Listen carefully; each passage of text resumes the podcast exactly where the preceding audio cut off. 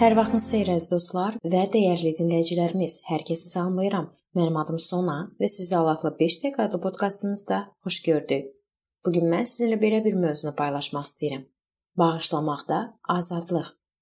Bağışlama mövzusunun iki əsas cəhəti var. Allahın insanları bağışlaması və bizim öz yaxınlarımızı bağışlamağımız. Bağışlamaq Allahın sifətlərindən biridir. O həyatımızda heç kimi bağışlaya bilməyəcəyimiz qədər bizi bağışladı.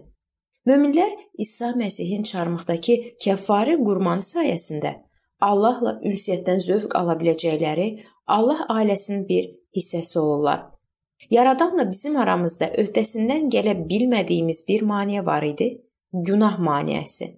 Məsihin barışıq işi bu maneəni dağıtdı və İsa Məsihə iman gətirənlərin günahların bağışlanmasını əldə etmələrini mümkün etdi.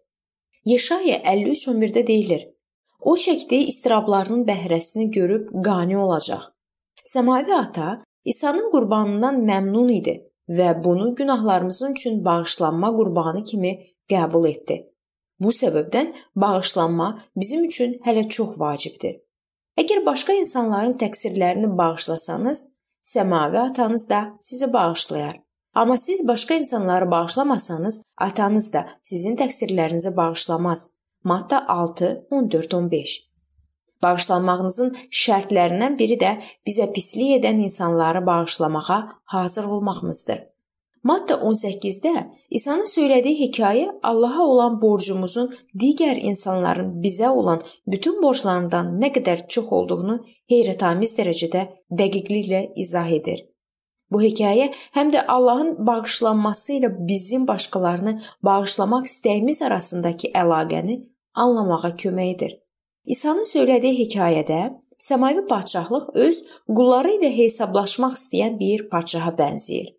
Hesablaşmağa başladığı zaman onun yanına 10 min talant borcu olan biri gətirildi.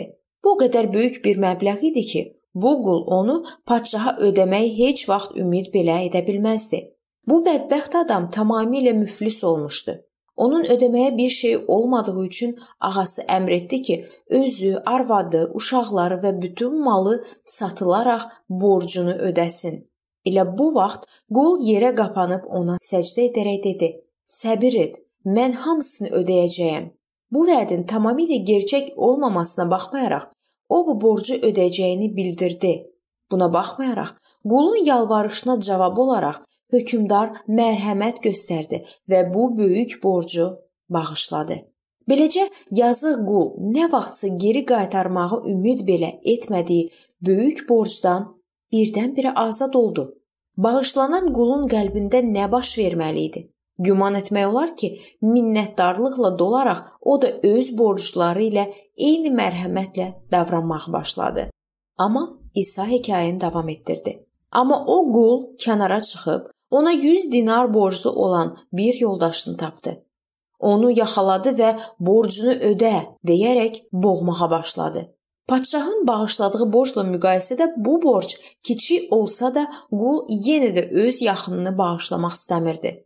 Onda yoldaşı onun ayağına qapanıb bütün borcunu ödəyəcəyini vəd edərək səbir etməsini istədi. Amma o qul gözləmək istəmədi və borclu bütün borcu ödəyənə qədər həbsxanaya atıldı. Bağışlanan qulun yoldaşı ilə necə davrandığını eşidən hökmdar onu yanına çağırdı və dedi: "Ey pis qul, bütün o borcu sənə bağışladım, çünki mənə yalvardın. Mən sənə mərhəmət etdiyim kimi, sən də yoldaşına mərhəmət etməli deyildinmi?" Ağası qəzəblənib bütün borcunu ödəyənə qədər onu işgəncə verənlərə təslim etdi. İsa hekayəni bu sözlərlə bitirdi.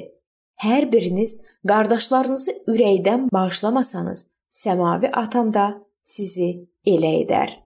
Allah qarşısında bizim borcumuz hər hansı bir insanın bizə olan borcundan qat-qat çoxdur.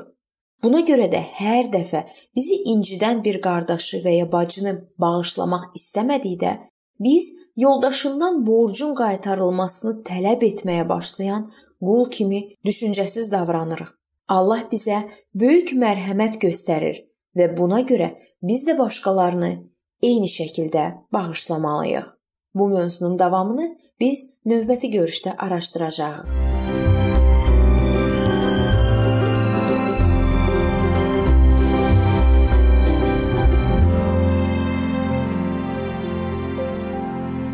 Beləliklə əziz dostlar, bu yerdə bu mövzu sona çatdı. Hər zaman olduğu kimi sizi dəvət edirəm ki, bizim podkastlarımızı Facebook səhifəmizdən və YouTube kanalımızdan dinləməyə davam eləyəsiniz. İndi isə mən sizinlə sağollaşıram və növbəti görüşlərdə görməyə ümid edirəm. Sağ olun, salamat qalın.